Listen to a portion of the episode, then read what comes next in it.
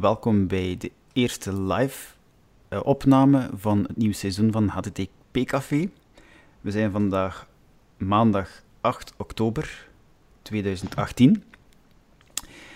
De dag dat ik kon gaan kijken, de enige dag dat ik kon gaan kijken naar de nieuwe film van Doctor Who in de cinema. Maar nee, prioriteiten HTTP Café Podcast gaat voor. ja, het nieuwe seizoen is uit van Doctor Who en de eerste aflevering wordt vanavond in de cinema gedraaid voor speciaal. Ehm, ons vast podcast team van onder naar boven. Rob, Arn, Koen komt nog. En onze gast, uh, bekende gast ondertussen al, Maarten de Blok, uh, van boven. Hallo. Um, ik zeg van onder, want we zijn ook op YouTube live te bekijken um, of te beluisteren, allebei.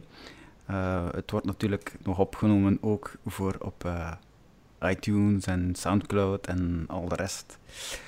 Um, maar het is onze ambitie om vanaf nu elke twee weken de maandagavond op te nemen en ook live op YouTube te streamen. Heb je de zin om mee te praten? Er is normaal gezien, als ik goed gecontroleerd heb, uh, een chatbox op YouTube waar je kunt meepraten. Kunnen uh, de heren dat bevestigen? Ja, absoluut. Arne heeft er al iets in gezet. Voilà. Um, ik heb dat zelf nog niet op mijn scherm getoverd, dus ik ga zelf niet kunnen volgen. Maar als uh, een van de heren uh, relevante feedback in de chatbox uh, leest, onderbreek ons we, maar. We zullen het melden. Oké. Okay. Um, een, aantal, te volgen. een aantal onderwerpjes. eigenlijk denk ik een beetje te veel om in één podcast op te, op te sommen. Um, maar daarbovenop kwam ik een week of twee geleden, denk ik, hier in de lokale Aldi Maarten tegen. en we stonden te praten en voordat we beseften, waren we een half uur verder, kreeg Maarten al een berichtje van zijn vrouw. Zeg, waar bleef jij? Um, het was zodanig een boeiend gesprek. Ik kom Maarten, jong, vertel daar keer iets meer over in de podcast. Uh, Maarten, jij was net terug van een of ander Drupal-conferentie, of wat was het juist? Ja, inderdaad. Dus, um, normaal is er ieder jaar een uh, conferentie in Europa, DrupalCon Europe. Uh, dit jaar was het uitzonderlijk geen DrupalCon Europe. En is het uh, georganiseerd door de, door de community zelf en noemde het gewoon Drupal Europe. Dat is eigenlijk grosso modo hetzelfde, maar in plaats dat de Drupal Association het had georganiseerd had dit jaar, was het uh, de Drupal Community. Dus de echte liefhebbers. De echte liefhebbers, die, kon, die liefhebbers. Die konden gewoon niet ieder jaar over, over slaan, die wilden gewoon ervoor blijven gaan. Voilà, ja, dus dat was vorig jaar aangekondigd uh, dat er een jaartje ging geskipt worden in, uh, in Europa. En dan is er direct een uh, redelijk grote ploeg opgesprongen. En een twintigtal mensen heeft dat een heel jaar volgehouden. En heeft een volwaardig conferentie, een heel goede conferentie. Ik kan dat niet merken dat dat door vrijwilligers of door niet-professionele organisatie georganiseerd was. Het was echt heel, heel goed. En wat is het verschil inhoudelijk met dan de officiële? Geen. Dus uh, nee, het is hetzelfde gedaan. Het enige verschil is de, is de organisatie, wie dat het georganiseerd heeft, maar het is wel hetzelfde recept dus dat gebruikt is. Echt wel compleet open source dan. Voilà, inderdaad.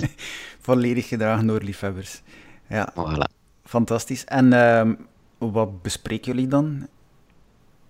Er zijn uh, altijd drie dagen uh, sessies in één of meerdere tracks. Uh, ik denk dat er nu een stuk of zes verschillende lokalen waren. Dat je terecht kon over sessies allerhande.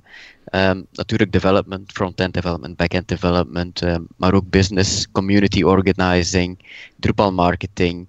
Alles wat dat eigenlijk uh, rond Drupal hangt. Um, maar ook uh, breder. Er waren ook sprekers van WordPress, er waren ook sprekers van, van Symfony, van andere PHP-initiatieven. Uh, normaal gezien ging uh, uh, Matt Mulligan van, van WordPress ook komen, maar die heeft het laatste momentje verstek gegeven. Oh. Hij wou niet samen, samen op podium met iemand van Google. Is het echt? Ja. Zo erg? ja, Allee, jammer genoeg. Je, je, kunt, je kunt fel zijn, maar... Ja, fel en heel fel. daarin dat, wat dat wel jammer was. Pure passie. Beetje, beetje, pure passie. Beetje erover zelfs, ja. soms, als ik dat mag zeggen. Ja, we probeerden, eh, of uh, de, de community probeert zoveel mogelijk um, interactie te hebben met andere open source gemeenschappen. Um, daarin, binnen en buiten PHP, waar dat Google draait of keer het uh, toch ook wel een groot deel van is. Denk uh, alleen al aan Angular um, daarin. Um, Angular is toch geen PHP? Ja, zo een gesprek. Nee, open source. Ah ja, zo. Ja. Nee, binnen ja, of buiten binnen, PHP. Ja. Ja, binnen of buiten PHP. Ja. En natuurlijk is er uh, ook iedere keer de, de Dries-note, de keynote door uh, oprichter Dries Buitaert. Ja, ook ja. altijd uh, interessant. Voor diegenen die um, er niet bij waren toen je de vorige keer gekomen bent, en voor diegenen die ook niet weten wat dat Drupal juist is, kan je dat nog een keer kort vertellen? Denk niet, dat er, denk um, dat er zijn die het niet weten, maar je weet nooit. Ja, geen probleem. Um, Drupal is een uh, open source content management systeem, um, geschreven in PHP. Alles is volgens standaarden en alles is, uh, is open source. Het is dus vrij beschikbaar. Je kan het downloaden van op uh, drupal.org. installeren op een, op een webserver, op een klassieke LAMP of MAMP stack. Kan je dat installeren en um, dan beginnen te bouwen naar je website. Ja, veel hostingbedrijven bieden het ook als plug-and-play aan. Hè? Dus je start een pakketje Absoluut. op, je vinkt gewoon aan Drupal, ja. 8 punt en het wordt geïnstalleerd. Binnenkort komt ja. 9, heb ik gelezen, of heb ik dat verkeerd verstaan? Uh, binnenkort is een, uh, is een groot woord, uh, maar nu tijdens Drupal Europe, tijdens de Driesnote, is aangekondigd wanneer dat Drupal 8 op zijn einde loopt en dus met gevolg tegen wanneer dat er een stabiele Drupal 9 versie moet zijn. en dat is tegen november 2021. Oh, maar nog even. En ja, dan, kom, dan loopt Drupal 8 af, dus minimum een jaar ervoor, november 2020, dus twee jaar, moet Drupal 9 beschikbaar zijn. Ja. 9.0. En wat zijn de grote lijnen waarin gaat Drupal 9 anders zijn dan Drupal 8? Uh, de reden van de end of life, waarom dat die datum staat, is omdat Symfony 3 die gebruikt wordt binnen, uh, binnen Drupal dan ook end of life is. En een van de, van de grootste verschillen, of wat is nu nog het grote verschil tussen twee major versions binnen Drupal? En Symfony, was dat, is een, Symfony is een framework van PHP, hè? Inderdaad. En Drupal werkt samen met, met Symfony? Drupal gebruikt Symfony componenten. Ah ja, okay. Niet de volledige stack, maar de Symfony is uh, inderdaad een PHP framework. Uh, heel populair, heel prachtig uh, PHP framework. en in Drupal 8 is die... Herhalen? Geen probleem. Um, de Symfony is inderdaad een uh, open source PHP framework. En sinds Drupal 8 zijn er grote onderdelen van Symfony gebruikt in Drupal. Uh, daarin niet, het volledig, niet de volledige stack, mm -hmm. niet volledig framework, maar wel belangrijke onderdelen. En die is end of life november 2021. En daarom heeft Drupal ook gezegd: oké, okay, dan gaan wij um, Drupal 8 ook end of life zetten. Gaat uh, Drupal 9 dan met een nieuwe versie van Symfony werken? Of gaan ze los van ja. Symfony? Of gaan ze een ander framework gebruiken? Nieuwe versie van Symfony. En waarom hebben ze gekozen voor Symfony? Um, een van de initiatieven voor, voor Drupal 8 was een beetje van ons Drupal-eiland afgeraken en terug meer aansluiten bij de rest van de PHP-community. Mm -hmm. En uh, onder andere bijvoorbeeld developers gemakkelijker toe te laten van het ene framework of systeem naar het andere te schakelen.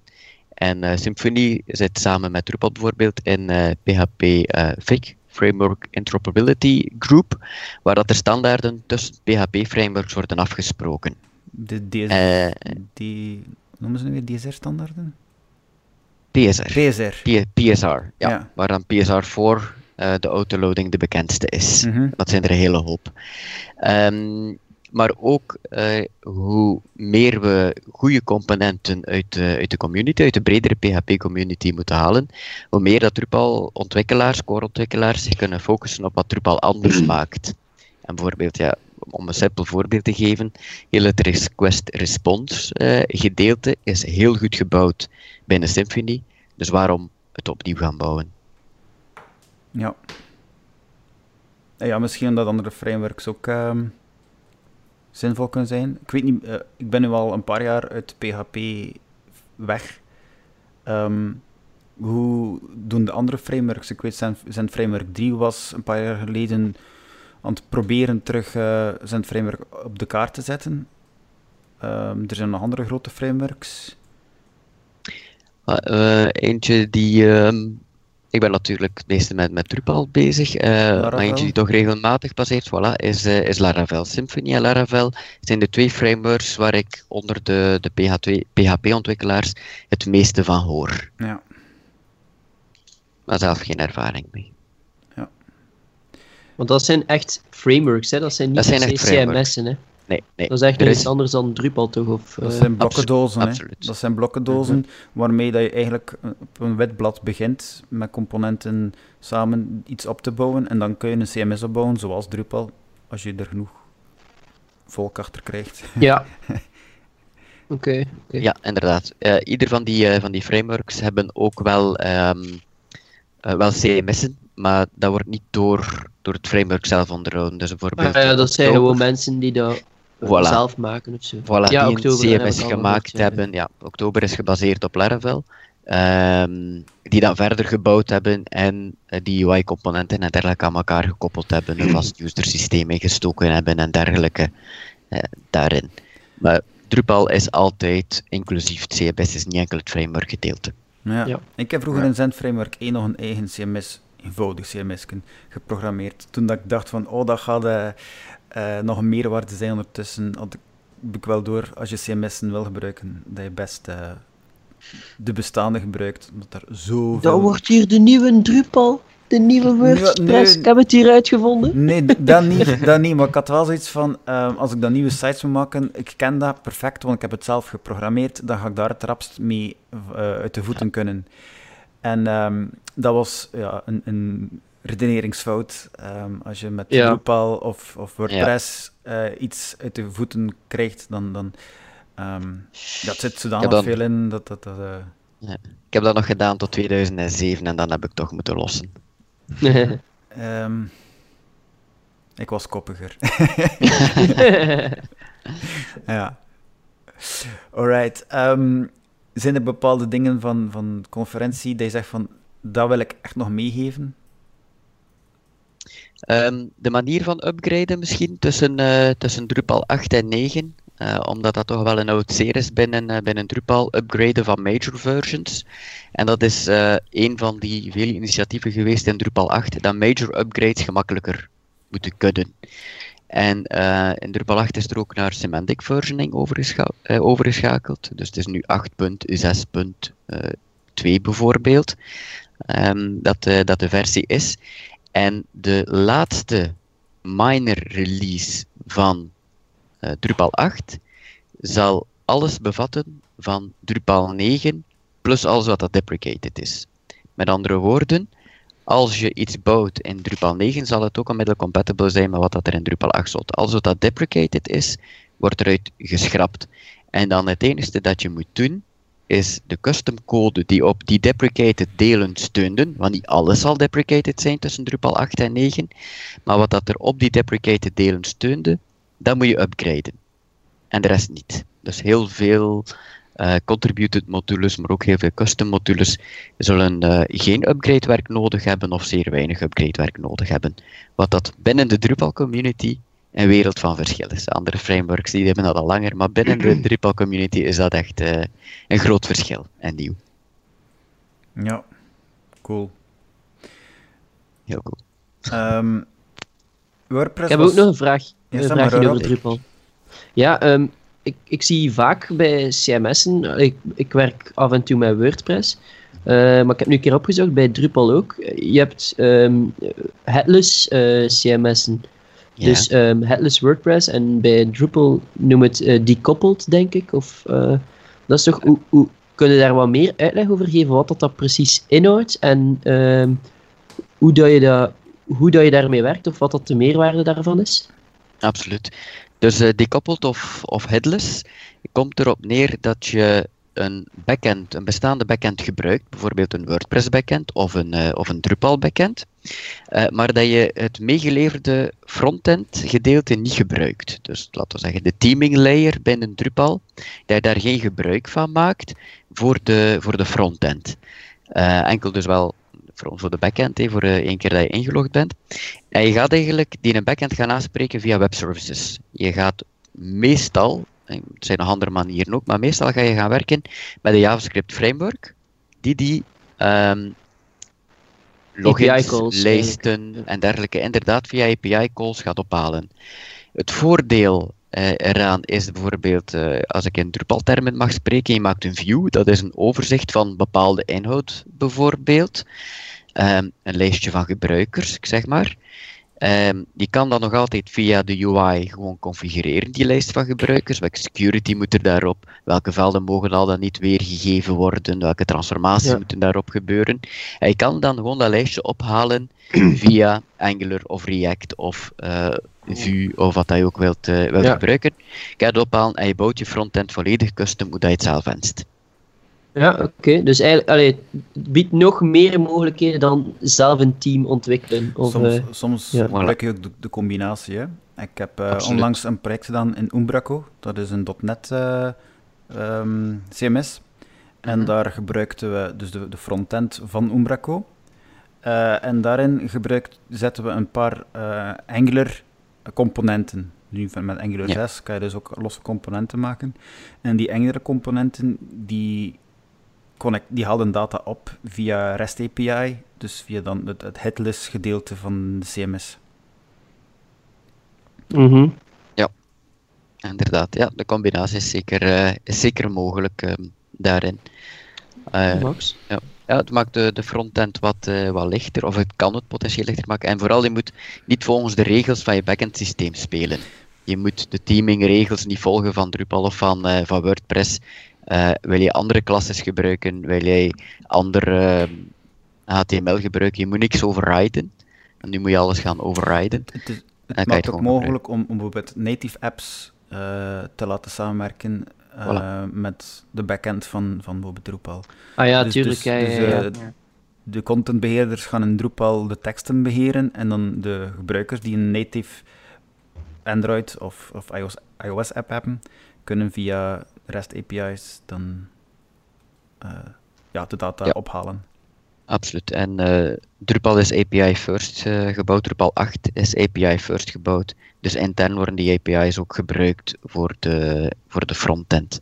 Al diezelfde functies gebruikt. Natuurlijk niet via JavaScript natuurlijk. Alhoewel dat in Drupal, ik denk 8.7 of 8.8, dus binnen een half jaar, dus ieder half jaar is er een nieuwe feature release van Drupal. Um, zal heel de admin gebouwd zijn in React. Maar, huh? Heel de backend wordt, uh, wordt een React-app. Cool. Nou, als je daar meer informatie over wilt, um, kun je zoeken op uh, Drupal uh, React UI. En dan ga je een filmpje vinden hoe dat het er zal uitzien. Minder klikken. Dat ga ik zeker doen. Ja, dat is wel enorm modern ook, want allee, voor mij, ik zie CMS meestal als iets een beetje archaïs en dat wat achterloopt op de tijd. Uh, en ja, het is wel verschieten dat die toch al ja, eigenlijk echt super modern zijn geworden de laatste jaren dan toch. Absoluut. Het is vaker uh, de discussie over welk front-end framework gaan we nu gaan ondersteunen en gebruiken. Uh, daarover een beslissing krijgen binnen de community, dan het effectief dan gaan, uh, gaan bouwen. Ja. Niet dat het gemakkelijk is om het te bouwen, natuurlijk wil ik niet minimaliseren. Dat is veel, veel applicaties zo. Ja. Ik merk dat ook. Uh, veel applicaties tegen dat men eruit is, wat men exact wil. Het is maar de helft de tijd nodig om het, nee, maar om het te bouwen op zich. Uh, is maar half zoveel werk dan eruit geraken wat dat je wil. Alle soorten vergaderingen, die moet dat en die wil dat zo en die wil... Die als er iedereen op dezelfde lijn krijgen, een developer die het moet bouwen, is soms maar uh, een kleine stap meer. Alright. Um, wat deed uh, WordPress op de conferentie? Want je zei dat ze daar ook een, een standje hadden of een, een talk hadden. Uh, ze, hadden uh, ze hadden ook een ehm, sessie van ja, hoe doet WordPress het? bijvoorbeeld, hoe pakt WordPress bepaalde zaken aan? Ook bijvoorbeeld um, ben ik naar een sessie geweest rond marketing, hoe, hoe we onze brand, het Drupal brand gaan, gaan marketen. En uh, daar waren er ook voorbeelden van, van WordPress aangehaald. WordPress heeft bijvoorbeeld hun marketing helemaal geopen sourced. En dat is wel, dat is wel een heel leuk, heel leuk idee.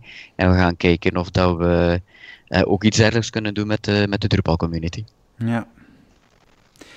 Rob, ik dacht dat jij het was die in de Slack een, een documentje, een, een artikeltje over WordPress. Ja, inderdaad. Ehm, dat gaat over de nieuwe editor van WordPress. Dus de nieuwe WordPress zal de Gutenberg, editor gebruiken. Mhm. En dat is wel redelijk de max, moet ik zeggen, als ik dat zo zie. Het maakt eigenlijk de stap tussen een. Uh, ja, ik zal misschien eerst eens uitleggen wat dat is. Het is uh, als je nu een WordPress uh, website of een bericht of zo wil maken, uh, ben je aangewezen om je posts te schrijven um, in een. Um, hoe, hoe noemt dat? Tiny MC denk ik dat dat heet. Zo'n ja. editor. Daar. Ja, rich text editor. Ja, um, ja wat, dat, wat, dat, um, wat dat je een beetje vrijheid geeft om, uh, om, om iets te doen met het uiterlijk, maar echt kwestie van live preview en van echt uh, direct het what you see is what you get principe, uh, daar spreken ze in het artikel toch over. Um, dat is wel een, een, pak meer met deze plugin en binnenkort dus ook echte editor. Het, komt erop neer dat je echt de blokken, dat je het als een soort Lego-doos gaat beschouwen, je website, en de blokken zelf uh, echt kan beïnvloeden door middel van de uh, Gutenberg editor. Um, ja, wilt je je afbeelding een beetje smaller of een beetje, een beetje groter of over de hele breedte, je kunt het allemaal visueel aanpassen wat het eigenlijk heel wat makkelijker maakt. Wat ik ook las, is dat eigenlijk een, een groot voordeel is dat je um, meer templates kan gaan maken voor mensen die dan misschien je site gebruiken, maar er zelf niet veel van afkennen. Bijvoorbeeld de plaatselijke jeugdbeweging of, of, uh, of, of, een restaurantje of weet ik veel wat. Dat zij, als ze een nieuwe post willen doen, dat ze echt een template hebben, dat ze zelf niet moeten beginnen prutsen of beginnen eh, CSS doen, of dat ze misschien niet de guidelines die je als designer voor ogen hebt, um, volgen, dat het veel meer uh, op voorhand kunt vastleggen hoe dat alles eruit ziet. Het is, het is echt wel redelijk krachtig. En in welke zin is, is Gutenberg, het is mij nog niet duidelijk, in welke zin is Gutenberg anders dan een andere standaard WYSIWYG-editor? Um, een an andere wat-editor? Ah, wel ja, je hebt nog andere WYSIWYG-editor. Ik, ik, gebruik ah, vaak um, ehm, FCK-editor. Mhm. In WordPress? Ja, dus ja. Gutenberg werkt met het principe van blocks. Dus, dus alles is eigenlijk een blok. Een foto is een blok, een paragraaf is een blok. En je deelt je pagina eigenlijk op met die blok, zodat je gewoon uh, alles indeelt door ja, drag and drop, door alles juist te slepen in de juiste volgorde. Uh, exact hoe dat je het wil. En dat maakt het toch wel veel vlotter dan veel andere WYSIWYG editors, zodat je eigenlijk gewoon eh, een, een, ja, een HTML-document binnen opstelt. Easy das, hè. Koen is er ook bij. Goedenavond. Hi. Hallo. Hey. Een, een ander verschil is natuurlijk ook dat, je, um, dat dit de standaard editor wordt. Hè. Dus het, het, uh, het is niet zomaar een plugin, het is echt de, de standaard vanaf uh, WordPress 5 gaat, gaat iedereen het uh, gebruiken. Hè. Wat, dat, allez, wat dat ook wel nieuwswaardig is, denk ik. Heb je nog met, met die editor gewerkt, Maarten? Uh, nee, maar Gutenberg uh, wordt ook, uh, zal ook bij een Drupal gebruikt worden. Is dat? Ah, oké, dat heb ik niet oh, gezien. Ja, er is een, is een initiatief. het zal niet de standaard worden, niet de standaard experience zoals bij, bij WordPress, maar er is een Drupal Gutenberg module die de ontwikkeling bij, bij WordPress heel nauw volgt. Als ik het goed, goed begrepen heb, um, is het, Gutenberg gedeelte zelf relatief standalone gebouwd, waardoor het ook bruikbaar is in andere CMS-systemen. En onder andere Drupal ehm, gaat dit dus ook ondersteunen. En welke is er standaard in Drupal ingebouwd? Uh, eh, CK-editor. CK-editor, ja. Ja, CK-editor 4. Ja. ja. vroeger heette die FCK, dacht ik. Heel lang geleden. Ja, ja maar ik, ik, ben al no mensen. Alright. Allee, dat is goed nieuws dan, hè? Ja, ik, heb het even uitgeprobeerd, de editor, op, uh, op, op hun site. En ik vind het wel enorm gebruiksvriendelijk vergeleken met de, de andere. Ja als, je het ver, ja, als je het vergelijkt met tevoren, is het wel een wereld van verschil. En Tony, um, waar, waar, waar, welke site is dat? Uh, ik denk als je gaat naar wordpress.com slash Gutenberg, kom je ja, op inderdaad. Ik zal het in de chat zetten. Ja, maar ik ga hier direct een keer uh, diegenen die op YouTube kijken, kunnen direct zien. Hè. Wacht, Word. Ik mag van YouTube geen uh, adressen, uh, geen webadressen ingeven. Het is uh, wordpress.org slash Gutenberg. Ja, het is die. Het is die ja, ja allee, toen ik die pagina zag, ik had eerst niet door dat dat echt de editor was. Ik dacht dat dat gewoon een website was. Ah, dat... Ja, inderdaad. En dan zie je zo die blauwe lijntjes verschijnen ja, er rond en zie je dat je het kan editen. Um, dus als je, als je nu, ja, daar van boven is er nu een minuutje gekomen. Um, um, uh, Jelle. Jelle, ja. uh, en kan je, kan je dus uh, kiezen, bijvoorbeeld om hier de tekst te centreren of om, uh, ik om wat... Ik heb eronder geduwd. Hup. Ja, alleen het is echt WYSIWYG naar, naar een heel nieuw niveau dan, dan de meeste teksteditors doen. Het is ook heel gebruiksvriendelijk gemaakt, want het begint direct met een grote foto van de editor. En ik was al in de foto aan het klikken en ik had natuurlijk weer niet door dat dat een foto was. ja, het is even wennen. Ja, het is wat. Eens, eens je dan. Ik had bijvoorbeeld, toen ik begon, had ik opeens die, die vier fotootjes waar dat jij nu mee bezig was. Oei, dat heb ik wel nooit gehad. Ah ja, ja. Had ik, uh, had ik die opeens onder elkaar staan in plaats van naast elkaar, of dan in uh, groepjes van twee. Allee, het, is echt wel, het is echt wel redelijk krachtig om visueel meteen te zien wat, dat je, wat dat je aan het doen bent. Veel meer dan wat dat je met de huidige editor kan. Ik mis een beetje de standaard drag and drop, omdat je moet echt op de juiste plek zitten ervoor. Ja, mm -hmm. dat is het enige dat wennen is. Ja, maar ik denk wel voor mensen die zo minder, minder tech, tech savvy ingesteld zijn, uh, die niet echt veel bezig zijn met code of met HTML of iets juist zetten, dat, dat dit echt een enorm verschil gaat maken. En het een veel gemakkelijker gaat maken. En is dat ook responsive? Ja, uh, ik veronderstel van wel, ja. Nou, nu staan ze naar elkaar, ja. En als programmeur ga ik me dan weer frustreren en uiteindelijk toch nog in de HTML gaan duiken. Ik ken mezelf. ja, maar, ja, maar dat, kan dus ook, hè, dat kan dus ook. Hè. Ja, ja, die optie is er nog. Ja, ja. Je kan, kan je het echt exporteren ah, als code editor, ja. rode HTML dan? Of? Blokje per blokje kun je nog gaan wijzigen. Oh, dus het is super. wel blokje per blokje. Ja, niet de volledige pagina. Oh. Oh. Helaas, er is iets misgegaan. Mijn nieuwe ja, computer al een beetje achter, dus.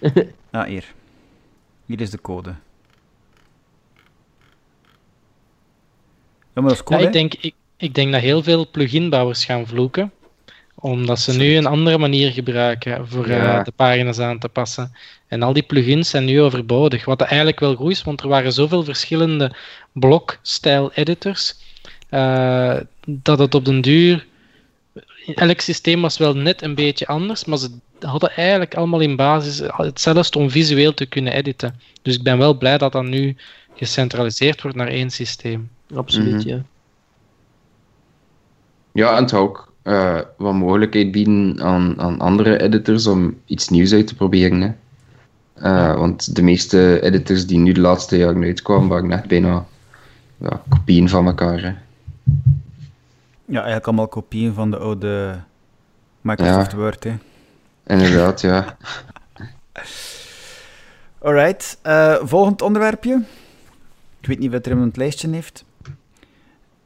Ik kan er al een onderwerpje aan, aan brengen. Ehm, monitor.firefox.org of .com, ik zou moeten kijken. Eh, ik heb daar straks even gekeken wat dat was. Ehm, Firefox biedt nu een, een website aan waar je kunt je e-mailadres controleren of dat die ooit ergens in een, eh, een datalek verzeild geraakt is. En ik was eigenlijk redelijk gerust, geen probleem. Eh info.airipton.be en ik zie dat ik dus ehm, mijn data gelekt geweest is via Adobe. Zo, oh shit, in 2013. ik heb nog een ander adres, jelle.airipton.be. Man, man, man, dat is vier of vijf keer gelekt geweest. Ik- ik- Dan heb ik het record. Ik, mijn is zes keer. Proficiat. bij LinkedIn, bij Kickstarter, bij Plex, bij Adobe, bij Modaco en de TV-database. Ik zit denk ik aan een stuk of tien. Via de Firefox monitor. Ja, dus uh, Firefox Monitor gebruikt eigenlijk gewoon de, de API van haveibeenpwned.com. Ah ja, oké, ja. die gemaakt door, uh, gemaakt door uh, Troy Hunt, dat is een, een Australische security researcher die uh, werkt voor Microsoft ook. Um, dus ja, die heeft ooit een, een project gestart waar mensen gewoon een eenvoudig hun e-mailadres konden invullen en zien of ze gepwned werden.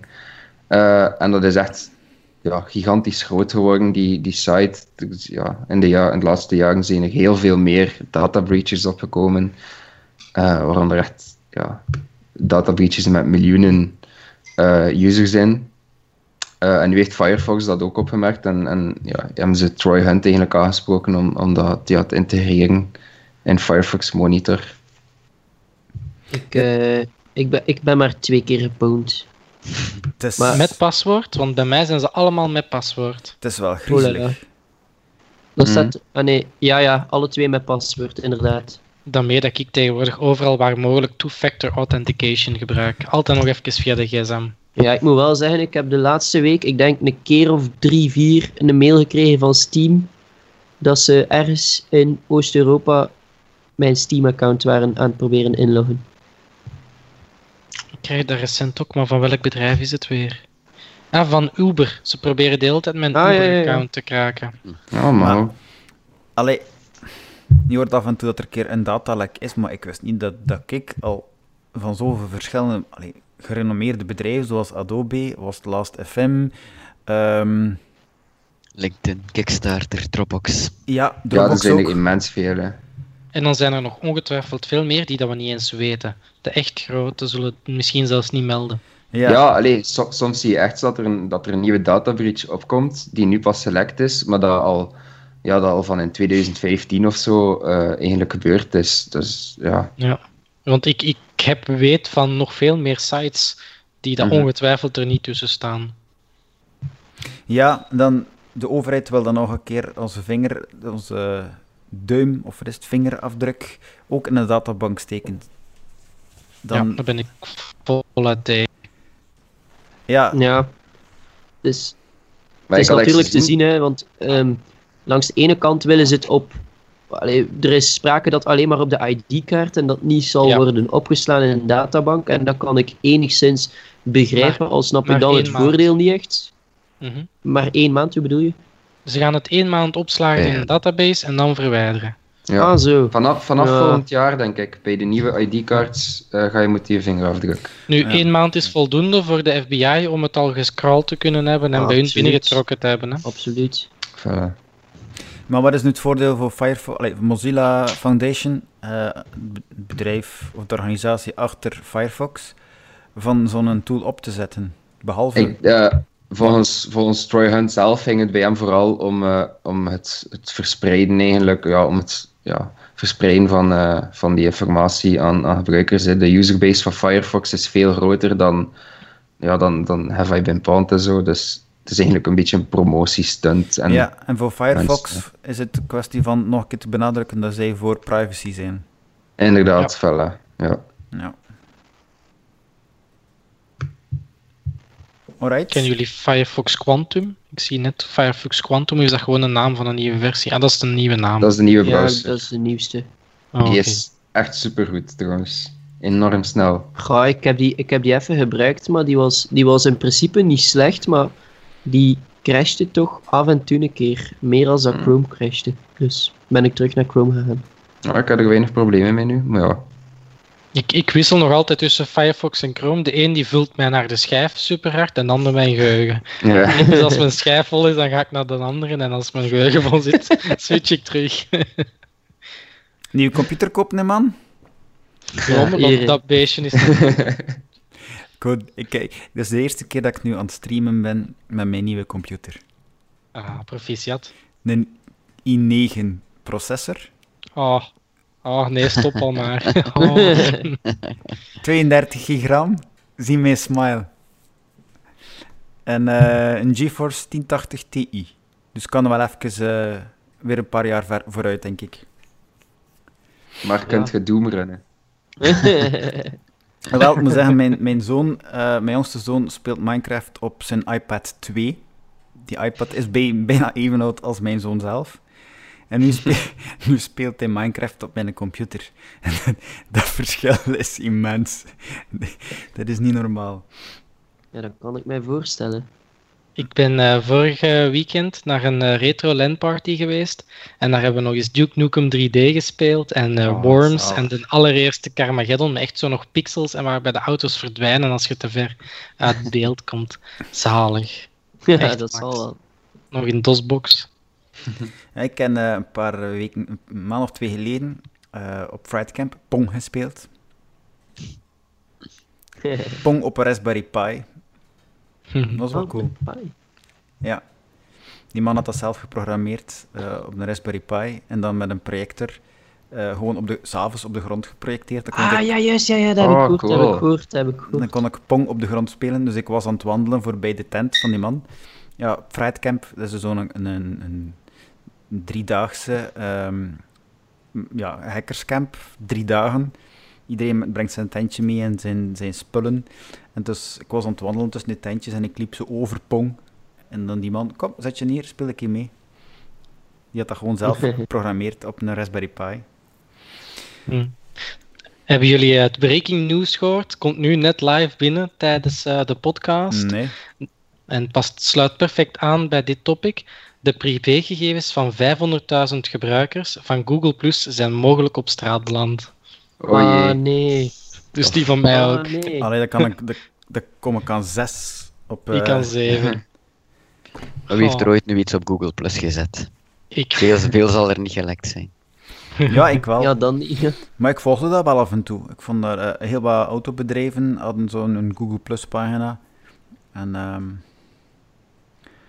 ja, er komt toch redelijk wat content op. Eigenlijk vond ik dat zelfs leuker in elkaar zitten dan, dan bijvoorbeeld Facebook. Maar ja, als er niet veel vrienden op zitten, dan, ja, dan stopt het. Hè. Ja. Was er onder, nog een onderwerpje? Of, um... uh, ik denk dat er nog in stonden. Ja, ja, want er nog veel, maar ik kan een keer overlopen. Hè. Uh, workbox. Ah, wel, ik ging juist zeggen, dat vind ik wel interessant, maar ik weet niet. Ik denk dat ik daar al iets van heb gezien op Google I.O. Kan dat? Het zegt mij niks. Ik heb me er ook niet in eh, verdiept. Kan, uh, kan er iemand van jullie daar iets meer over vertellen? Anders is het voor volgende keer. Ja, laat het maar voor de ah, volgende ja, keer. Ah ja, ik ken het erop gezet, juist. Ik ken het erop nu, nu valt mij. Uh, ja, Workbox, dat is een, een tool uh, om van je, ja, als je in Angular, vanaf Angular 6 of 5 denk ik, uh, is het heel eenvoudig om een progressive web app te bouwen. Ja. Um, er zit standaard mee in Angular ingebouwd, maar wil je je eigen JavaScript um, project die niet met Angular gemaakt is, uh, ook PWA Progressive Web App van maken, dan kan je van Workbox gebruik maken. Je moet dat als library, die gewoon moet mee in een um, een project in, includen of importeren. En dan kan je daar van, dus van je JavaScript uh, app een progressive web maken, die dus uh, ook offline support ondersteunt, wat wel plezant is. zodanig dat als mensen jouw progressive web app openen en ze hebben een slechte of ze hebben geen internetverbinding, dat tenminste de app wel zichtbaar wordt, dat er dan nog geen content is tot daar aan toe, of maar beperkte hoeveelheid content. Want dan is de mensen toch niet dat dat um, dinosaurus die daar loopt te springen. Um, maar is het dan echt zo makkelijk als import Workbox en hup, alles werkt out of the box? Of um, moet je, wel, nog wat aanpassingen doen ik, of niet? Ik heb nog niet met Workbox zelf gewerkt, maar het principe zou hetzelfde zijn als in Angular. Dat is dat je gewoon een JSON-file hebt met de configuratie van uh, wil je dat uh, eerst de offline data gebruikt wordt of wil je dat eerst online gaan controleren en pas na 5 seconden bijvoorbeeld gaat de offline data gebruiken. Uh, dus je kunt dat allemaal gaan instellen. Je kunt ook gaan instellen van welke data wil je offline bewaren. Um, dat je de, de JavaScript en de images um, van de app zelf wil cachen, dat is redelijk normaal. Maar uh, soms kun je ook zeggen, ja, ik wil ook de API calls die geladen zijn ook cachen. En bijvoorbeeld de laatste 10 items um, cachen. bijvoorbeeld, stel je hebt een soort sociaal netwerk-appken die posts binnenhaalt of een nieuwsite met, met posts en je haalt de laatste 10 items binnen, dan uh kun je mhm. zeggen van oké, ik, ik sla van die URL sla ik de, die API sla ik de, de data op gedurende drie uur. Um, en dan als ze het openen, dan zien ze eerst die offline data en na vijf seconden, als het ingeladen is, komt dan de nieuwe data bijvoorbeeld. Of je kunt zeggen, nee, ik spaar het een week en ik ga eerst online checken. Is er niks, dan ga ik die data tonen die al een week oud is. Dus op die manier kan je dat allemaal gaan instellen uh, in een JSON-configuratiefile, die dan uh, dankzij uh, Workbox, um, tenminste als Workbox gelijkaardig werkt als Angular, maar ik vermoed het van wel, want dat is allebei door Google ontwikkeld. Um, dan kun je dus um, die in JSON uh, dan kan je met die configuratie die in JSON-formaat staat, eigenlijk heel je, je progressive web app gaan, uh, gaan opbouwen. Ja. Mooi. Het ziet er enorm krachtig uit. En ik ben even de, de Getting Started aan het lezen nu. Mm -hmm. uh, en het ziet er inderdaad wel ja, iets uit dat je in, in 10 minuten kan opzetten eigenlijk. Ja, ik vind dat ze dat vaak doen geloven, maar als ze dan echt er wat dieper in dived, dat dat, dat, dat soms toch wel wat kan je verzekeren, Hello World is nooit moeilijk. Ik heb, uh, oh, voilà. ik heb twee jaar geleden uh, een, een, een um, uh, alleen noemt dat nu? Een service worker zelf zitten configureren. En potverdu, ik ken daar lang op zitten chicken en ik heb eigenlijk voornamelijk bestaande code uit tutorials gekopieerd en proberen te snappen. En dat snappen mm. lukte wel, maar om dat dan zelf allemaal geschreven te krijgen, uh, ik ging nog veel harder mijn kop moeten breken. En nu gewoon in Angular 6 dan die in JSON uh, vormgeven, dat houdt niet veel meer in. Je moet natuurlijk nog altijd wel weten waar je mee bezig bent. Hè. Uh, je moet nog altijd weten waar je mee bezig bent, maar het is toch een stuk simpeler. Ja, ja. Ja, het ziet er inderdaad uit een soort van ja, versimpeling van de oude manier om een, om een service worker aan te maken. Hè. Ja.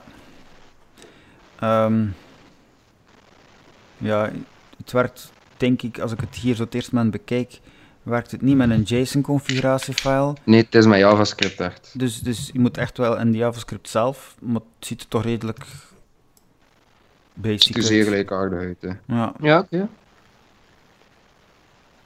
Interessant. Voilà. Uh, ik denk dat we gaan uh, moeten afronden, want anders zijn we hier morgen vroeg nog bezig. Uh, er stonden nog onderwerpjes, maar die kunnen we dan over twee weken. Ja, ik, ik zag trouwens op de site van Workbox dat de Google Chrome Dev Summit binnen vier dagen gaat gebeuren in San Francisco. Dus ik denk dat we waarschijnlijk binnen twee weken nog weer redelijk wat nieuwtjes gaan kunnen zijn. Chockvol nieuws. Wauw. Ja. inderdaad. 12 november. Kijk, voilà. Hoppakee, we het in de gaten. Ja. Heren, uh, Maarten, dikke merci om erbij te zijn. Graag gedaan. Um, ik heb ook nog tof nieuws. Ik... Uh, ja, hebt een nieuwe computer. dat ook, dat ook. Um, ik heb een nieuwe job. Ja, proficiat. Ik, ik, ik ga zelfs overlopen. Je gaat naar PHP? Nee. Ik ga IT-recruitment doen. Mo oh, oh, nee. Oh. Ja. Weer een nummer dat ik moet blokkeren. Ja. ja, maar jou kom ik dan al die tegen, maar... um, nee, ja. Uh, na 15 jaar webdevelopment stond ik te praten met uh, iemand van de, uh, van de recruiters. En het probleem dat zij dus hebben is, ja, er zijn bijna geen developers die vrij en beschikbaar zijn voor nieuwe functies in te vullen. Maar dat zou je waarschijnlijk ook wel weten als zaakvoerder. Het is moeilijk om nieuwe developers te vinden.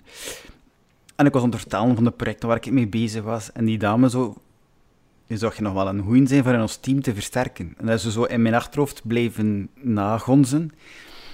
En het project waar ik op zat, ik voelde me direct niet echt thuis. Um, ja, ik heb dat een keer gepolst en ja, denken er nog altijd zo over. Dus ik ga nu gewoon uh, als developer onder developers uh, gaan recruiten. Dus onze luisteraars die wel een keer denken van, oh, ik zou wel een keer een nieuwe job willen in de IT. Je mag mij altijd bellen, of ja, niet bellen, stuur een berichtje uh, op 0486 80 77 24. Ik ga nog in de show notes zetten. Um, ja, laat me iets weten dan. Hè. Zou ik eerst nog uh, reclame mogen maken voor Drupalkamp? Natuurlijk, ah, tuurlijk. Ja, uh, dus um, Drupal Europe is, uh, is net geweest, maar de Belgische community die organiseert ook jaarlijks een, een kamp. En dit jaar gaat het door 23 en 24 november in Gent. Dat is een vrijdag en een zaterdag. We doen dat zo om ervoor te zorgen dat mensen die professioneel ermee bezig zijn er kunnen geraken, maar ook mensen die niet professioneel ermee bezig zijn, er kunnen bij zijn. Drupalkamp.be. En wanneer? 23 en 24 november. Over anderhalve maand. Inderdaad. Ja, en op drupalkamp.be kan je tickets vinden en alle informatie, de sprekers, ja. uh, et cetera. Staan er allemaal op. Alright. Nog nieuwtjes?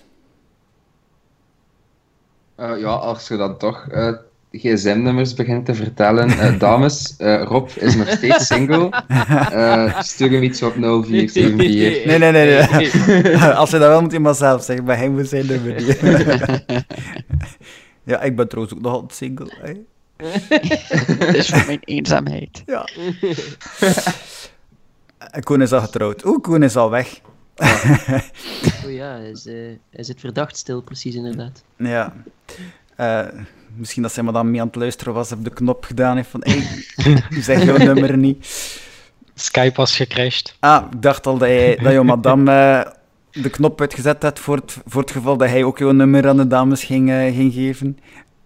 Nee, Skype hoorde Drupalkamp en crashte. Alright, heren, uh, waar kunnen we jullie vinden? Maarten? Uh, maartendeblok.be Rob?